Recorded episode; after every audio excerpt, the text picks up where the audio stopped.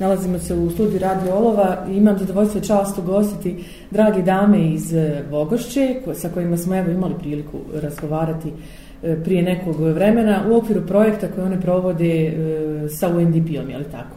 Fikreta Nazifović, je li tako? Da. E, dobro nam došli prije svega u Olovo još jednom i evo hvala vam što ste uključili žene olova u, u ovaj vaš veliki opsižan projekat e, koji je posvećen što je meni posebno drago ženama u poduzetništvu. Dobrodošli još jednom i izvolite. Hvala vam draga Amira. E, mi smo zaista evo danas imali tu priliku i čast da organizujemo o, predavanje za žene sa područja olova. E, Prije nego što nešto kažem o predavanju, želim da pozdravim sve slušatelje radija Olovo. Eto, hvala vam, evo, predstavite nam ovaj vaš projekat koji čini mi se u završenoj fazi. Tako je, drago mi što ste rekli da je to veliki projekat i zaista jeste, iako je on trajao dva mjeseca. E, projekat e, socijalno poduzetništvo žena, mogućnosti i perspektive e, je podržan od strane vlade Švedske, odnosno vlada Švedske financira taj projekat, a implementira ga razvojni program Ujedinjenih nacija. E, projektom smo planirali radionice filcanja vune e, za žene sa područja mjesnih zajednica Olovo i možemo zaista ponosno reći da smo implementirali uspješno sve radionice i da smo okupili planiranu ciljnu skupinu od 40 nezaposlenih žena. U okviru projekta također planirana su i dva predavanja. Prvo predavanje je e, bio uvod u socijalno poduzetništvo žena, a drugo se baziralo na e, male porodične biznise i na strategije razvoja ženskog poduzetništva. Projekat ćemo završiti preskonferencijom koja će se održati u kinosali Olovo, dakle kinosali javne ustanove i centar za kulturu, sport i informisanje u četvrtak u 11 sati. Mhm.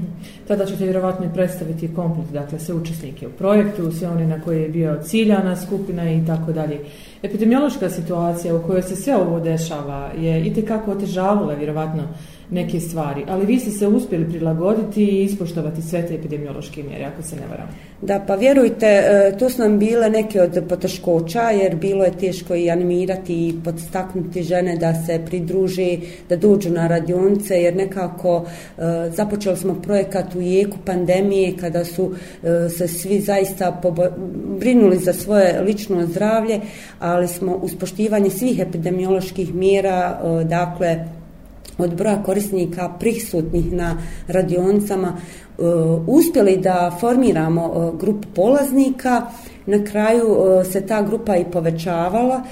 Imali smo divnu saradnju sa forumom žena Sabina Jamaković i sa udruženjem žena Rahvanija iz Bakića, tako da smo evo uspostavili jednu divnu saradnju. Malo prije sam rekla na predavanju da se zaista evo projekat se okončava, privodi se kraju, ali da se naša saradnja nastavlja.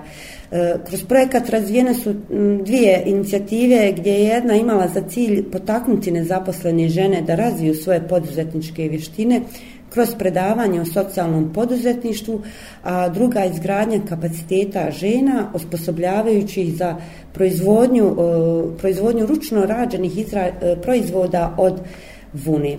E, dakle, e, možemo biti zaista zadovoljni e, jer je udruženje Sahan kroz projekat Liderke u akciji omogućilo nezaposlenim ženama s područja općine Olovo da se, izrade, da se obuče u izradi proizvoda od vuni.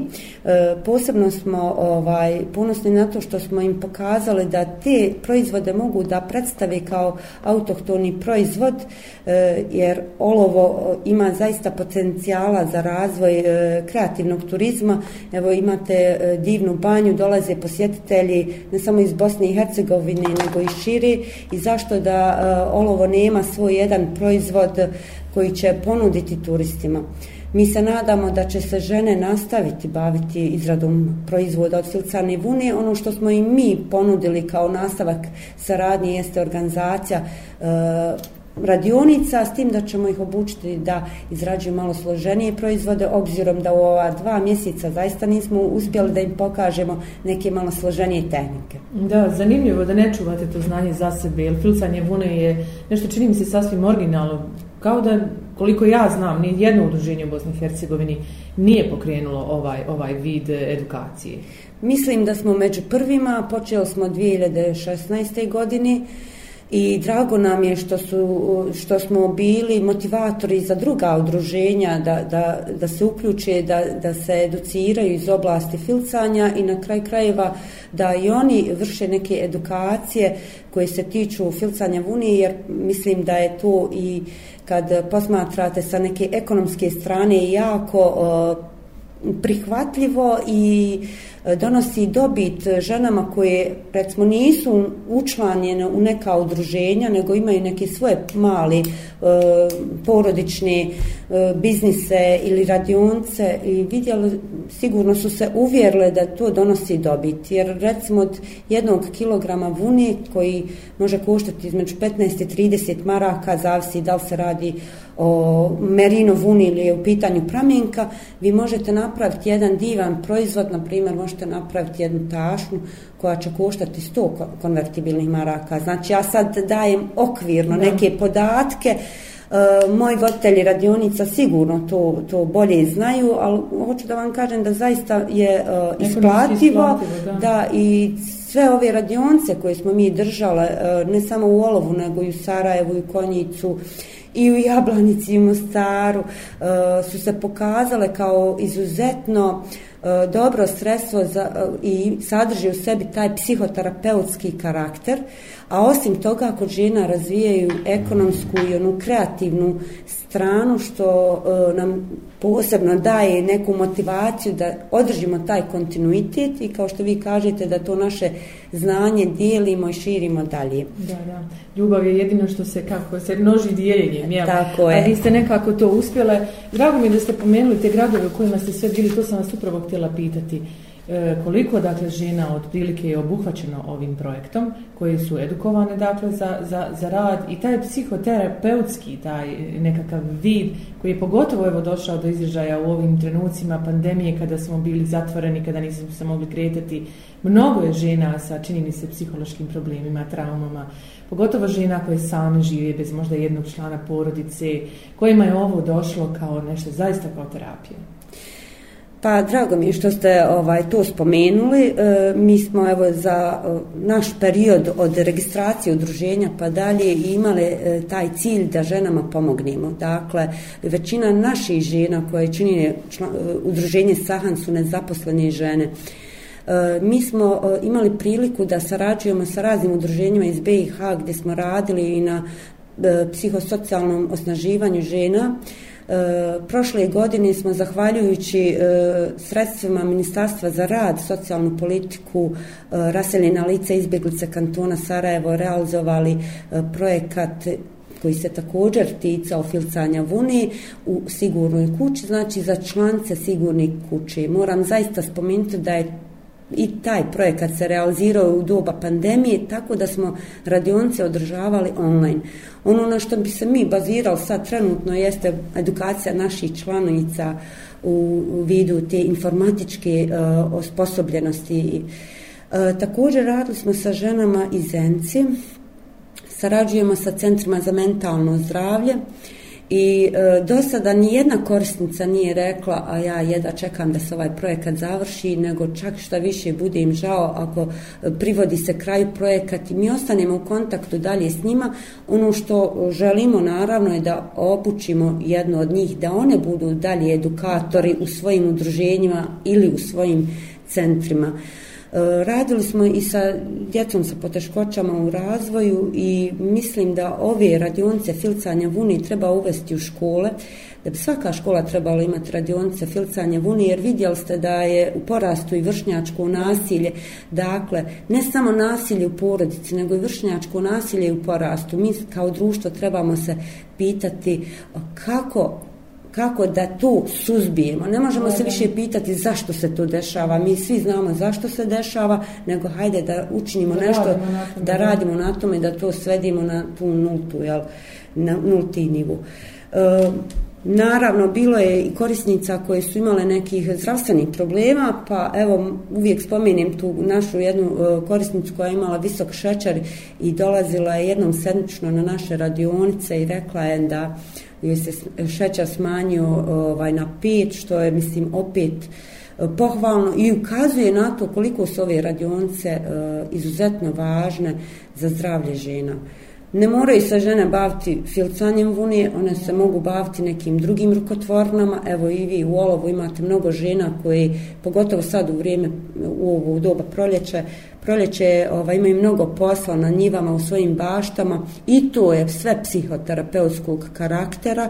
Znači, o, treba pratiti vijesti, naravno, ali u što manjoj mjeri, dakle, okrenuti se yes. sebi, raditi na sebi i naravno. mislim da ovaj će se i to sve puno bolje odražavati na zdravlje, kako mentalno, tako i fizičko zdravlje čovjeka. Vi ste sasvim dobar primjer za to, evo. Hoćete predstaviti evo i vašu kolegicu i da. ostale, dakle, dijelove i segmente ovog projekta u kojima se, dakle, i vi uključeni? Da, eh, evo, još ću samo spomenuti da je, dakle, projekat Žena na izborima u Bosni i Hercegovini finansirala vlada Švedske, implementirao razvojni program Ujedinjenih nacija UNDP. Uh, i da smo danas e, imali priliku zaista čuti korisne savjete e, e, naše edukatorce, odnosno predavača, uvažene gospođe Fuade Zuko, koja je magistar ekonomije. Mm -hmm. Gospođo Fuada, vi ste bili danas u ulozi predavača i prošli put nam se Jesam, ja sam... Za, se prije svega zahvaljujem mojoj prijateljici Fikret koja me angažovala da uradim i, proš, i prošli seminar i ovaj seminar i zaista sam počešćena da sam prije svega i upoznala jako veliki broj uh, žena koje su vrlo aktivne članice udruženja i svako to predavanje na neki način i mene obogatilo, a nadam se da sam i njima uspjela prenijeti određena neka svoja znanja i iskustva. Danas smo govorili o malim porodičnim biznisima i o malim porodičnim firmama, čime sam im htjela u stvari ukazati na činjenicu da je svaka firma nekad bila mala i nekad počela kao ma, mali biznis i svako je počeo sam raditi neki svoj mali porodični biznis iz garaže ili iz nekog manjeg poslovnog prostora i nek, nakon 20-30 godina je to postala neka, da kažem, ozbiljna firma koja se kasnije prenosi na drugu ili na treću generaciju. Tako da smo danas, ona, do, dosta se tema dotakli, cilj mi je bio da ih osnažim, da ženama prenesem informacije, da, da, da dobiju neke, neka nova saznanja koja ranije nisu imala i da im ponudim nekih uh, E, šest rješenja koja su izuzetno bitna za socijalno preduzetništvo. Žene unutar udruženja Sahan i udruženja Izolovo, one su već članice udruženja, one već se e, okupljaju, druže, razmjenjuju informacije i najčešće se one udruženju radi promocije svojih ličnih proizvoda. To su najčešće rukotvorne koje one sami proizvode i udruženje je njima način da e, ne budu zatvorene, da, ih, da neko sazna šta one rade i čime se bave. Animirali smo ih također da se uključe i intervenišu u oblast socijalnog preduzetništva, e, kojim se u stvari izvan institucija može postići mnogo bolje nego unutar institucija. Nažalost, u Bosni i Hercegovini još uvijek sve to unutar institucionalnih okvira, ali ovakva udruženja, va, vaše udruženja iz Olova ili udruženje Sahan u velikoj mjeri radi na prevenciji tih nekih drugih mentalnih oboljenja ili socijalizacije žena koje su kroz ovo udruženje u stvari vrlo aktivne, imaju neku svoju dodanu vrijednost i sprečavaju se neka i prevenišu neka e, oboljenja u nekom kasnijem periodu. Ja sam ponudila svim ženama podršku ovaj, ako se odluče da ovaj registruju svoj startup biznis biznes postoje jako krasni, jako dobri programe od strane Zavoda za zapošljavanje koji su baš namjenjeni posebno ženama, posebno ovaj start-up firmama i to nije e, beznačajna finansijska podrška i ukazala sam im na, i na tu mogućnost, jer svi se u stvari boje tih početnih ulaganja, kako ću, hoću li imati dovoljno novca i tako dalje. Međutim, evo, Zavod za zapošljavanje zaista izlazi u velikoj mjeri u susret i mnogi ne znaju a, da, da mogu da apliciraju, mnogi ne znaju da mogu da ostvare tak, takve, fin, takvu finansijsku podršku, pogotovo u prvoj godini poslovanja. Također kroz ove okupacione, okupacione radionice, kao što, što radi udruženje Sahan Filcanje Vune, u velikoj mjeri se e, bori protiv ove e, pandemije koja nas je svi uzahvatila i ta socijalizacija i povezivanje i umrežavanje žena je od izuzetnog značaja jer u stvari sprečavamo ta, da kažem, neka otuđivanja, otuđivanja i tako dalje i evo danas smo uspjeli da okupimo veliki dio žena iako je uh, ova epidemiološka situacija još uvijek, da kažemo, nepovoljna, možemo biti zadovoljni sa odzivom žena, a vjerovatno ćemo, ako bi došlo do neke teže situacije, eskalacije ponovne ovaj, ko, ko, pandemije, vjerovatno ćemo biti u prilici da organizujemo i online radionce i da se i mi prilagođavamo novo nastaloj situaciji. Da. Koja je evo vaša na kraju možda poruka svim ženama koje bi vi u ovoj situaciji pandemije osjećaju možda neki, neki strah, neku anksidioznost, neku zatvorenost, kako da pomognu same sebi, evo, evo prije svega? Pa pre, ja, ja lično mislim da je ta, ta radna okupacija, rad u rukama, jel, te, izrada nekih predmeta, ovaj, inače je poznato da je recimo, evo, ne znam, štrikanje, heklanje ili ne znam, ta neka druga okupacija, da je to, da kažem, jel, na neki način, ovaj, bijeg od stresa. Ova, a pogotovo ako se to radi recimo sa ženama koje su sličnih ovaj e, interesovanja i, i druženje i slično. Mislim da je tu evo, recimo konkretno za žene srednjih godina ovaj da nisu u kući, da nisu ne, ovaj izolovane i tako dalje da se da se druže i kroz tu razmjenu nekih e, svojih e, znanja ili iskustava ili da, i da to prenose na, na mlađe. Mi sad imamo recimo situaciju da mlađe E, žene i mlađe djevojke vrlo rijetko ovaj, bavi se ručnim radovima. A to je izuzetno korisno, zaista. Ja sjećam, evo, kad sam ja bila djevojčica sa nekih 12-13 godina, smo već počeli da vezemo, ne znam, da štrikamo, sve što nas mame nešće uvodile i tako dalje.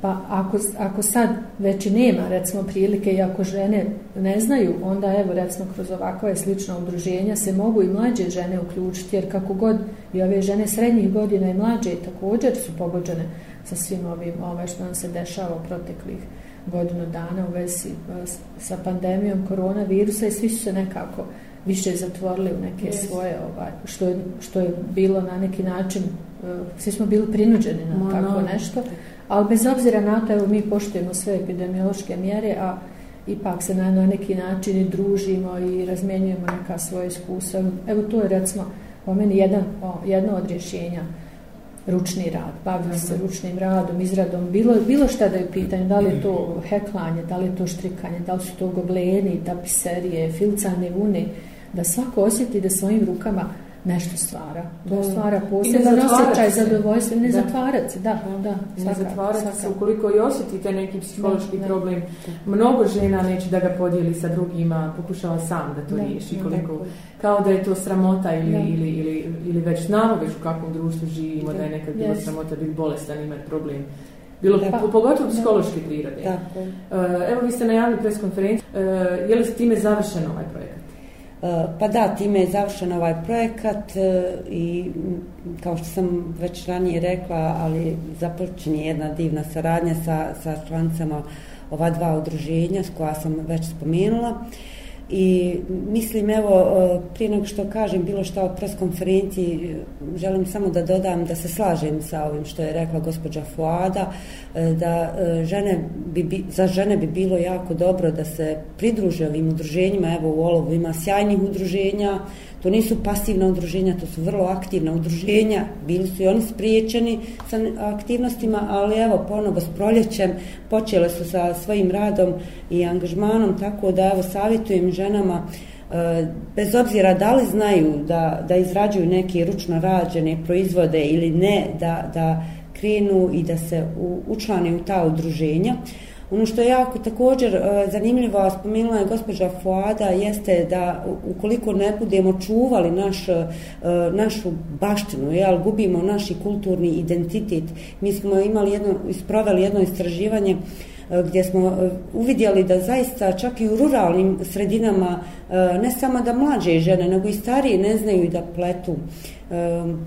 Zaista ovaj, smatram da kroz organizaciju, kroz druženje u udruženjima može puno toga da se nauči, a ne samo to, možda neko ne želi da nauči da. Ovaj, ili nema neke afinitete prema, prema izradi tih ručno rađenih proizvoda, ali eto ima priliku za druženjem, pa sigurna sam da i ovde udruženja organizuju razna uh, E, predavanja, izlete, putovanja, tako da evo.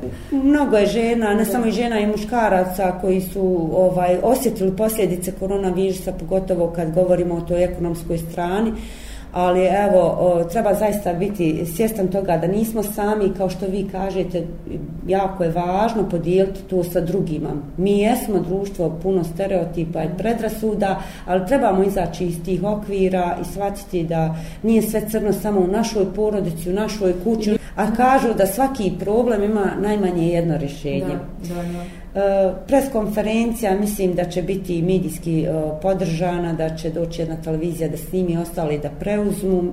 Mi ćemo tu ponuditi tih nekih šest prijedloga rješenja. Ovaj, mislim da je od izuzetnog značaja i podrška jedinice lokalne samouprave e, kao tim udruženjima, zadrugama, ženskim mhm. mini biznisima ovaj, ako nekad nedostaju ta financijska sredstva, dovoljan je, nek, nekad je dovoljna i lijepa riječ, znate kako kažu, pa motiviše te žene. Pa ne možemo danas da nešto realizujemo, ali ćemo to planirati u budućem periodu. Ja zaista evo, mogu samo da se zahvalim vama, Amira, koji ste podržali ovaj naš projekat medijski, uh, također e, općinskoj službi, općini Olovo na čelu sa načelnikom e, koji su zaista na sve što smo tražili ovdje vezano za projekat izašli nam u susret i iz Olova nosimo samo pozitivna e, iskustva. Olovo je zaista poznato po tome da smo dobri domaćini, bar se trudimo, jel? mada niko nije savršen, uvijek bude nečega što, što se propusti i nadam, mada to sigurno nije namjerno. Hvala vam puno evo, na gostovanju u Olovu. Vidimo se u četvrtak kako Bog, da je tako, da, da. na preskonferenciji. Želim vam puno uspjeha i sreće. Nakon ovog projekta, vjerovatno ste vi već pripremili neki ne, novi. Pa evo, ako smijem da odam. E, iduće srede e, planiramo reviju narodne nošnje, to je da naš završni event u Centru za zdravo starenje, razigrani dani, općini centar. E, E, zajedno sa udruženjem Zdravo živi sretno stari sa kojim imamo odličnu saradnju i e, bit će to zaista jedan lijep događaj popraćen također medijski e, mi ćemo poslati pozivnice našim ovaj, donator u Ministarstvu za obrazovanje, nauku i mlade kantona Sarajevo, odnosno sada e, mhm. se to ministarstvo podijelilo, pa mi ne želimo da razvajamo, te ćemo poslati pozivnice i za Ministarstvo za odgoj i obrazovanje i za, na Ministarstvo za nauku, visoko obrazovanje i mlade, tako da se evo nadamo da će biti i ovaj uspješno realiziran i taj projekat da uživate i vi i vaši korisnici i marekeni, čini mi se da su da. to osobe upravo iz tog centra, tako? Tako je, mi želimo tu da ovaj, um, i osobe treće životne dobi, ali i mlade uh, da naučimo, ako ništa da podsjetimo, jel, koji su to glavni dijelovi narodne nošnje, odakle ta nošnja dolazi, uh, Zbog čega je važna, jer evo, kao što sam rekla, ponekad ni stariji ne znaju, a kamoli mlađi, tako da ćemo imati jednog sjajnog moderatora koji će o svakoj nošnji da kaže nešto, odnosno da će puni opis nošnji. Odlično, puno vam sreće i uspjeha želim i na svakom novom projektu. I dobro došli ste u Olovo uvijek. Hvala. Hvala i vi u Vogošću, e, pa nadam se da ćemo se imati priliku društi u Vogošću. Vjerovatno. Hvala još jednom i sve najbolje, evo, sveta vam put, bilo gdje da, da, da putujete. E, kada je riječ evo samo o ovim projektima, još možda samo da kraj, za kraj da kažemo, forum žena, udruženje Rakvanija, nastavljate se radnjom kako ste već jednom naglasili, tako? Tako je. Imamo mi odličnu saradnju sa udruženjem Zeleni, Zeleni vir, vir, tako da, da evo, bit će, bit će druženja. Odlično. Hvala vam još jednom. Hvala vam. Hvala vama. Hvala vama.